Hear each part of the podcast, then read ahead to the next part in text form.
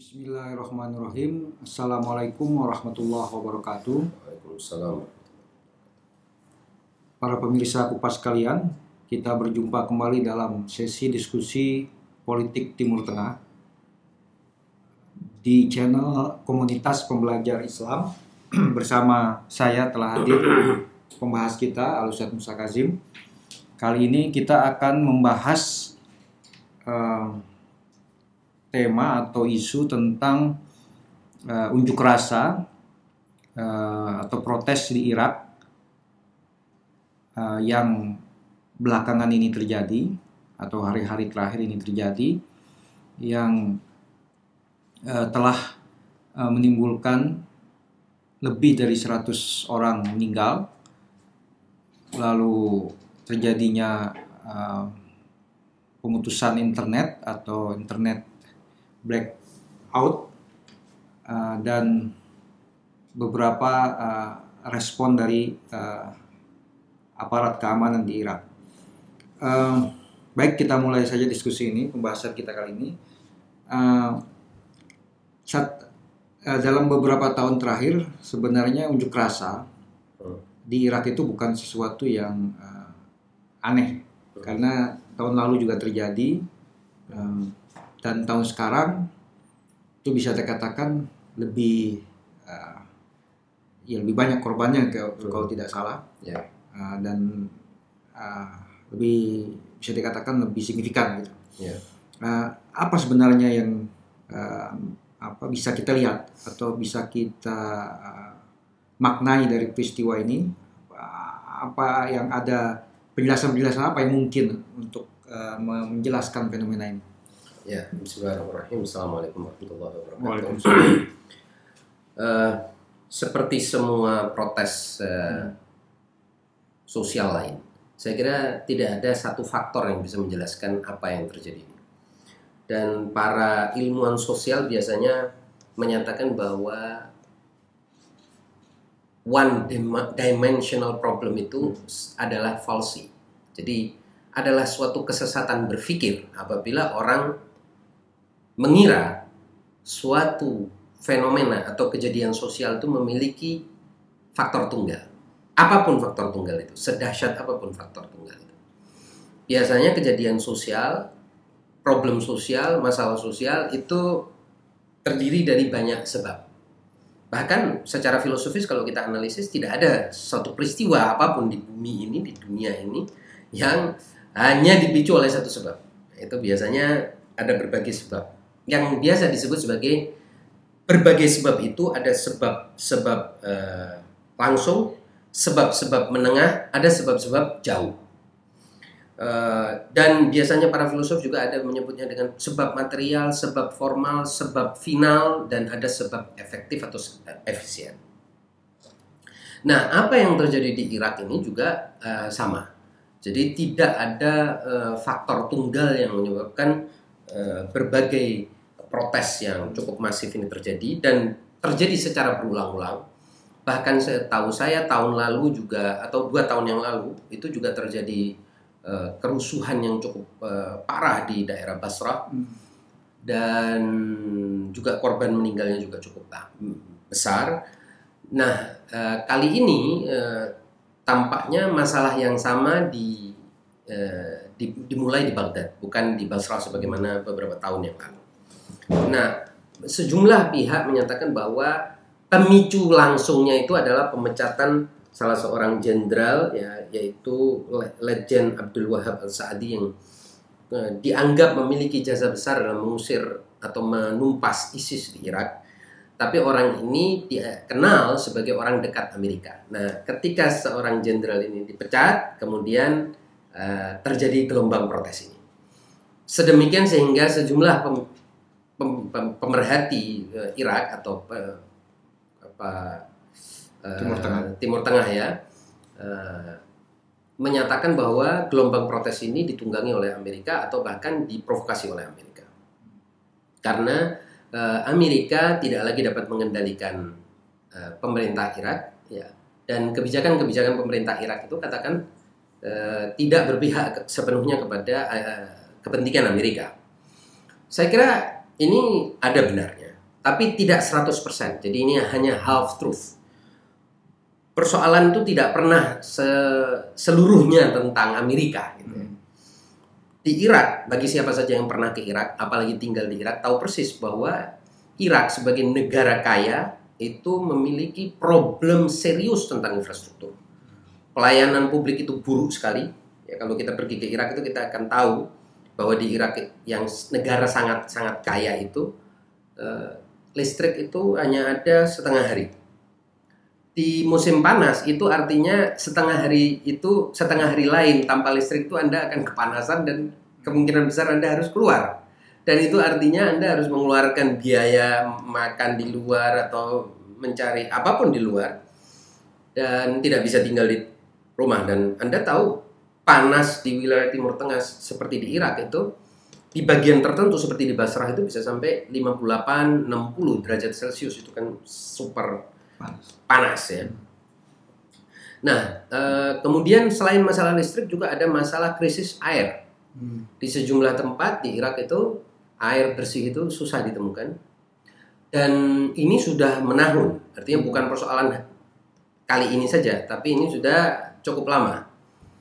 Eh, begitu juga dengan pengangguran Hmm. yang sangat eh, luas di Irak. Sementara penduduk Irak umumnya sekarang ini usianya antara 18 sampai 20 tahun. Hmm. Jadi kebanyakan penduduk ini kan yang, usia yang terbesar usia produktif. usia produktif, Hmm. usia remaja lah ya, yang mereka harusnya bekerja, mampu eh, mengabdikan dirinya, berkarya dan lain sebagainya, tapi mereka mengalami kesulitan mencari pekerjaan. Kemudian kita tahu yang tidak kalah pentingnya, Irak ini negara yang korupsinya ini gila-gilaan, Hmm.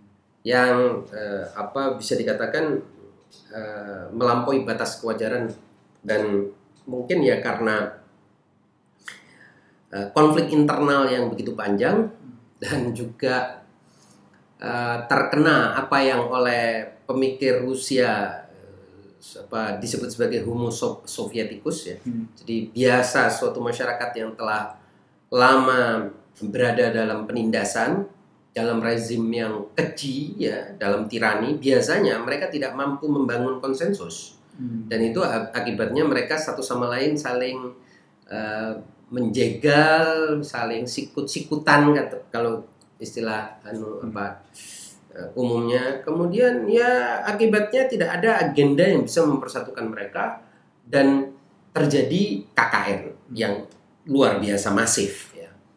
Sedemikian sehingga kita tahu di Irak itu nepotisme itu parah. Hmm. Juga partai-partai pemenang ini masing-masing eh, berebut eh, ke, ke- kue eh, ekonomi nepotisme luar biasa ya eh, kroniisme dan kemudian akibatnya sejak eh, Amerika meninggalkan Irak itu oligarki lokal itu telah terbentuk dan mereka lah yang menghabisi eh, apa kekayaan Irak ini. Sa- Satu contoh cerita, kebetulan saya dengar langsung dari orang yang mengikuti cerita ini. Di Irak itu, kalau anda pergi ke sana kan, di mana-mana ada detektor Hmm. bom yang apa, yang dipakai untuk mendeteksi eh, kemungkinan adanya bahan peledak dan lain sebagainya. Detektor ini diimpor dari sebuah perusahaan di Inggris. Nah, di Inggris eh, perusahaan itu dipersoalkan oleh hmm, badan lain atau perusahaan lain karena menjual produk ini dan tidak berguna, tidak berfungsi ses- sesuai eh, maksudnya.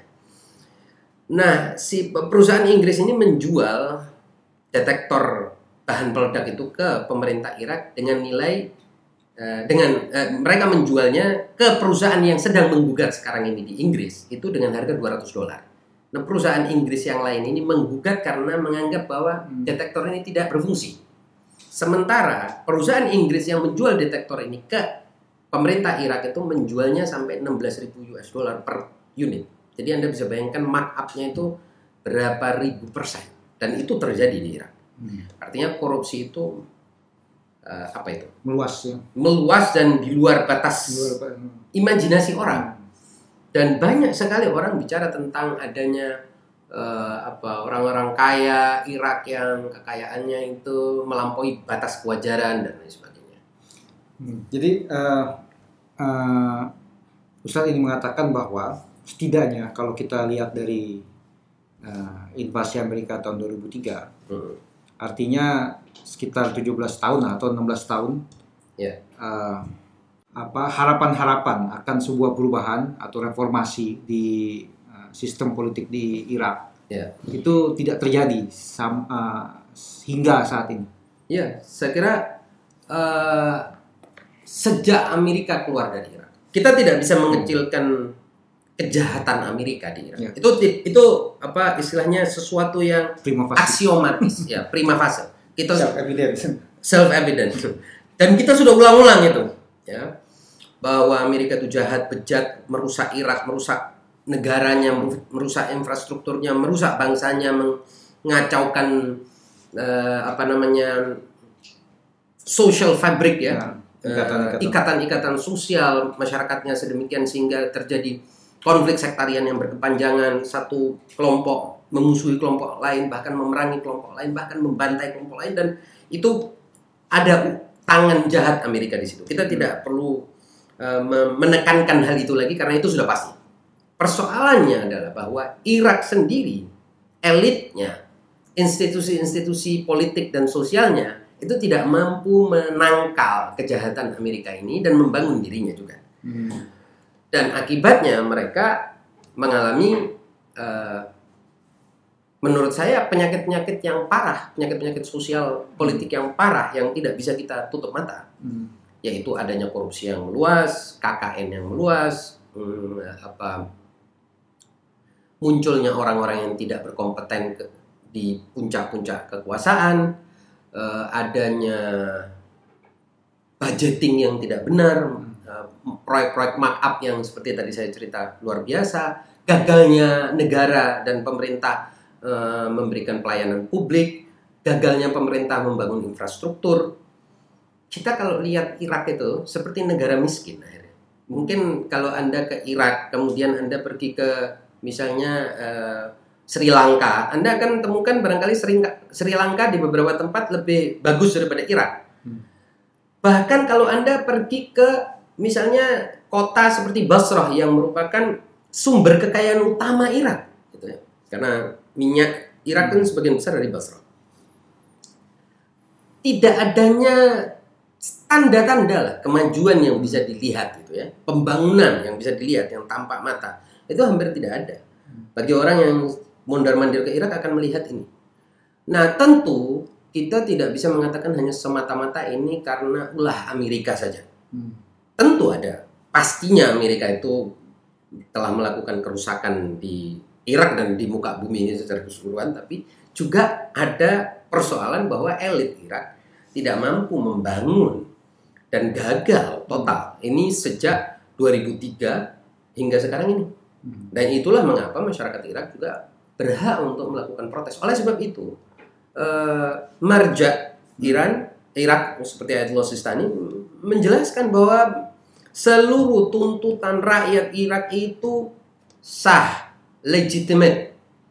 Mereka punya apa istilahnya hak untuk menuntut perbaikan eh, kehidupan mereka, Hmm, berhak untuk menuntut eh, apa penyediaan infrastruktur, fasilitas eh, seperti listrik itu kebutuhan pokok kan. Dan itu memang yang dituntut para demonstran. Dan itu yang dituntut oleh para Oh, demonstran. Oke, eh, ada eh, ya selain tadi is- isu so- eh, soal peran Amerika dan Saudi Arab Saudi eh, soal pemecatan eh, Letnan Jenderal atau salah satu perang pahlawan perang atas eh, melawan ISIS Hmm, juga muncul isu soal eh, apa peran media sosial. Hmm, boot-boot puluhan ribu.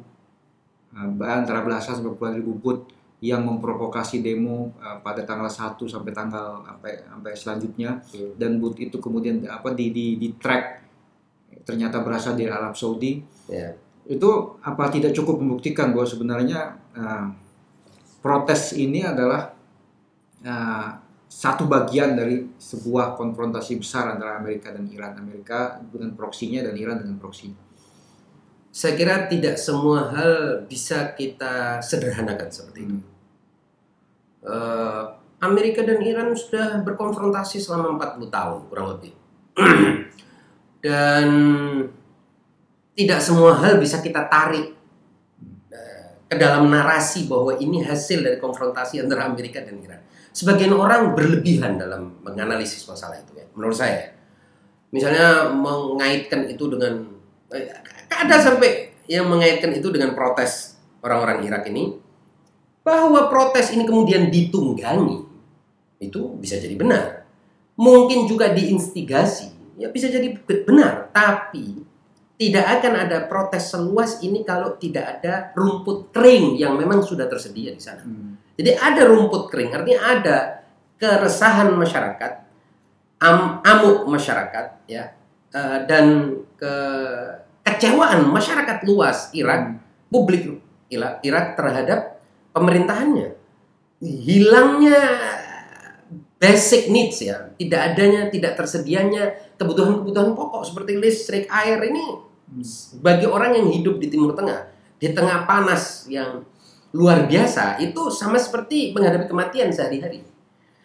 Nah, bahwa Irak juga sebelumnya telah mengalami banyak persoalan dan tidak ada protes seperti ini, itu kan bukti bahwa protes, eh, sebetulnya rakyat Irak itu cukup sabar ya untuk menunggu. Oke, dulu ada ISIS, nanti kemudian ada ini, ada bom, ada Amerika. Kan selalu alasannya sekarang masih ada Amerika. Oke, Amerika sudah pergi ada ISIS, oke, diusir. Nah, sekarang giliran segala sesuatunya sudah relatif eh, di tangan pemerintah, kenapa tidak bisa memberikan fasilitas eh, pelayanan publik yang terkait dengan um, apa ya kebutuhan pokok. Nah, memang ada yang mengaitkan ini dengan arba'in. Tapi saya kira juga persoalan arba'in ini tidak bisa semata-mata eh, dengan mudah kita apa kaitkan dengan protes ini ya. Karena memang kan biasanya protes itu terjadi di musim-musim panas. Karena itulah orang langsung merasakan yeah. dampak dari ketiadaan listrik dan air kan. Jadi sebetulnya eh, bahwa arba'in ini kan tadinya atau peristiwa arba'in ini kan biasanya terjadi di Desember, Januari, uh, mungkin di men, sudah mulai musim dingin lah ya atau memasuki musim dingin. Sekarang kan pro, protes ini terjadi di uh, uh, pertengahan musim panas sampai menjelang akhir musim panas di mana orang merasakan dampak dari tidak adanya listrik dan air itu. Jadi saya kira tidak semua hal lah kita bisa hmm, apa kita bisa sederhanakan masalah dengan mengaitkan dengan narasi besar tentang adanya konflik antara Amerika dan Iran. Apalagi kita harus ingat, kita ini manusia. Hmm. Kalau ada orang tertindas, kita bungkam dengan ketertindasannya kita bungkam dan kita, membantu tidak menyuarakan ketertindasannya pun tidak mau itu berarti kan kita bagian dari orang yang oleh Allah Subhanahu wa taala disebut di dalam Al-Qur'an sebagai yukadzibu biddin. Hmm. Ara'aital ladzi yukadzibu biddin itu siapa? Apakah eh, tahukah engkau siapa yang mendustakan agama? Allah bilang siapa? Hmm. Alladzi yad'ul yatim. Orang yang meninggalkan, menelantarkan anak yatim. Siapa anak yatim? Anak yatim itu bukan hanya orang yang tidak punya ayah dan tidak punya ibu Anak yatim adalah orang yang tidak punya penolong, tidak punya guardian, tidak punya uh, pelindung. Dan itu adalah yang sekarang ini disebut sebagai kelompok rentan. Kalau kita tidak bisa membantu mereka, at least suarakan ketertindasannya. Hmm. Jangan dibungkam juga ketertindasannya. Narasi-narasi besar tadi, konflik uh, Amerika Iran atau taruhlah narasi-narasi besar soal konflik regional, dominasi dunia itu menurut antum salah satu cara yang dipakai untuk membungkam? Bukan. Itu ada, tetapi ada juga hmm. ya, ada juga ketertindasan masyarakat Irak yang jelas-jelas diakui oleh marja atau marjaiyah ya, hmm. yaitu otoritas agama di Irak. Diakui sebagai memiliki basis absah untuk protes. Hmm. Mereka rakyat yang protes ini berhak untuk protes karena memang tidak tersedianya pelayanan-pelayanan dasar yang merupakan bagian dari tanggung jawab pemerintah. Ini mereka akui jangan kita lebih Irak daripada orang Irak. Menurut saya itu tidak betul. Hmm. Orang Iraknya sendiri otoritas religiusnya sendiri bilang bahwa ada eh, hak bagi rakyat untuk protes. Ada tuntutan-tuntutan yang legitimate. Ada tuntutan yang legitimate dan memang bagi mereka yang pernah ke Irak tahu persis bahwa listrik ini persoalan di Irak. Padahal Irak ini bukan negara miskin. Oke lah kalau negara miskin mungkin kita bisa bilang kamu bersabarlah uang belum ada. Salah satu penghasil minyak terbesar. Salah satu penghasil minyak terbesar dan yang menarik adalah anggaran APBN. APBN Irak itu hampir menyamai APBN Indonesia. Padahal penduduk Irak itu 35 juta, 40 juta taruhlah. Berapa penduduk Indonesia? Artinya harusnya ini sudah selesai kalau dilihat dari besaran anggarannya itu. Dan orang-orang Irak yang protes ini pun orang yang Syiah yang juga eh, sekarang ini pemerintahan ini kan dipegang oleh mayoritas yaitu Syiah. Sekarang yang protes ini kan juga orang Syiah. Jadi sebetulnya jangan juga segala sesuatu itu kita eh, apa kait-kaitkan dengan eh, konflik antara Iran dan Irak, konflik antara Iran dan Amerika sedemikian sehingga kita anggap bahwa orang-orang yang protes ini adalah orang-orang yang suruhan Amerika atau suruhan Arab Saudi. Itu berbahaya. Karena ini bukan politik. Nah, ini beda dengan kasus protes Iran pada 2009 Hmm. masyarakat yang turun eh, di Iran pada pemilu 2009 itu beda dengan masyarakat yang turun di Irak ini. Hmm. Menurut saya beda. Dan juga masyarakat yang turun di eh, apa, Suriah, tahun 2011. tahun 2011 itu juga beda karena mereka dua masyarakat ini masyarakatnya atau para demonstran yang turun pada 2009 di Iran maupun para demonstran yang turun di Suriah pada 2011 itu mereka tuntutannya politik Hmm. hak-hak politik. Kalau ini kan hak-hak dasar, hak-hak dasar berupa air dan listrik. Ini bagaimana ya? Dan memang anda kalau ke sana anda tidak, anda bisa tanya sama orang, mereka tidak me- apa, menemukan air dan listrik seperti yang seharusnya warga negara hidup di negara yang mampu gitu. Tapi ada juga satu tuntutan uh, yang menginginkan agar sistem politik yang menurut para demonstran ini apa uh, berbau sektarian itu direformasi dan selain berbau sektarian juga uh, menghasilkan uh, apa elit-elit yang korup itu direformasi diubah. Ya, saya kira betul. Hmm. Dan memang ternyata kan kalau kita lihat kan korupsi di Irak ini kan salah satu yang terbesar di dunia. Kalau tidak ada korupsi besar, Hmm. Tentunya pelayanan publik yang sederhana itu semuanya sudah Hmm. selesai. Ini kan seperti tadi saya bilang, Irak ini kan bukan seperti Libanon katakanlah ya. Hmm. Libanon kan juga kesulitan tuh soal listrik. Tapi Libanon kan bukan negara sekaya Irak. Kalau Irak ini kan produsen eksportir minyak terbesar salah satu yang terbesar di dunia sekarang. Saya nggak tahu peringkat 4 apa 5 apa 6 pokoknya di urutan 10 besar. Dengan penduduk yang relatif tidak besar dibandingkan dengan Iran misalnya. Dan tidak ada boykot, tidak ada sanksi terhadap Irak. Eh, mengapa harus terlunta-lunta dalam apa atau berlarut-larut dalam menyediakan kebutuhan pokok itu itu yang menjadi persoalan saya kira em, otoritas keagamaan di Irak telah mengakui bahwa protes-protes ini Hmm. Hak eh, masyarakat hak warga untuk melakukan protes ini Eh, sedikit eh, eh, apa agak umum bertanya. Kita kan selalu menyaksikan eh, apa selalu saja melihat bahwa eh, bukan maksud saya selalu ada protes di berbagai negara. Hmm. Ya ada tadi yang antum bilang ada di Iran, ada di Suriah, kalau di Eropa ada di Ukraina. Ya. Terus juga mungkin di Asia ada di Hong Kong, di negeri kita juga ada. Hmm. Itu selalu saja ada eh, apa soal eh, apa eh, eh, tadi eh, penarikan protes-protes eh, lokal itu kepada Narasi narasi-narasi konflik eh, regional, konflik eh, global. Hmm. Itu eh, apakah bisa kita memandang seperti itu ataukah eh, eh, kita justru harus menghindari hal seperti itu. Jadi mana yang kira? Saya kira begini, konflik secara global regional selalu ada. Misal begini, lah, kita saya ambil ilustrasi karena saya belajar agama. Hmm. Ilustrasikan aja dengan setan. Hmm. Setiap saat eh, agama itu kan mengatakan bahwa setan itu musuh manusia. Hmm. Betul kan? Betul. Itu narasi agama Teks suci, teks sucinya begitu. Semua kesalahan kita memang ada andil setan di situ. Betul. Hmm. Tapi tidak semata-mata setan yang diadab dan disiksa oleh Allah kan? Iya. Berarti apa? Berarti tiap individu akan menanggung dosa dari apa? Kelemahan dan ketidakmampuannya menghadapi setan. Hmm.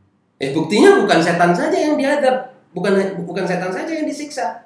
Artinya ada partisipasi Anda yang memenangkan setan sedemikian sehingga Anda terseret dalam Hmm. perbuatan-perbuatan jahat itu. Sama seperti kalau mau ilustrasi lain, tubuh manusia. Hmm. Virus ini ada di mana-mana. Di mana-mana dan setiap saat. Tapi semua orang sakit tidak bisa menyalahkan virus. Tidak bisa dia bilang, oh iya banyak virus nih makanya saya sakit. Anda harus cek juga, jangan-jangan Anda ini makan berlebihan. Jangan-jangan Anda tidak Kondisi badan lemah. kondisi ya kondisi badan lemah kenapa karena anda tidak memperhatikan makanan yang eh, baik eh, nutrisi yang baik anda kurang tidur anda kurang minum anda kurang olahraga anda kebanyakan ini kebanyakan itu kan bisa kita lihat kepada diri kita juga gitu. tidak akan ada perbaikan kalau kita tidak bisa melihat kesalahan kita apa kekurangan kita apa gitu saya kira tidak bisa orang sakit terus dia protes bilang ya polusi kebanyakan di Jakarta ini makanya saya sakit tidak juga Betul polisi polusi ada dan itu ada indeksnya. Dengan demikian, kita bisa mengatakan bahwa kejahatan Amerika itu sesuatu yang jelas bisa dilihat di mana-mana. Tapi setiap negara, setiap bangsa punya persoalannya sendiri untuk memperbaiki Hmm. apa ya ketahanan Kekebalan. kekebalannya dan memperbaiki sistem internalnya sedemikian sehingga intervensi yang disebut oleh Imam Khomeini sebagai setan besar ini tadi tidak efektif atau kecil efeknya. Tidak bisa seperti yang terjadi di apa namanya di Irak ini. Apalagi tuntutannya dasar. Nah, ini kan makanya saya bilang berbeda kasusnya dengan apa yang terjadi di Suriah. Menurut saya berbeda. Karena apa yang terjadi di Suriah itu orang tidak menuntut adanya listrik, Suriah listrik terjamin. Tidak menuntut eh, eh, apa subsidi gandum, tidak menuntut hal-hal yang disebut sebagai kebutuhan pokok. Kalau di Suriah kan masalahnya menuntut di Irak. enggak, kalau di Suriah kan tuntutannya politik. Iya. Sementara kalau di Irak ini kan tuntutan awalnya itu tuntutan yang sangat eh, layak gitu. Hmm.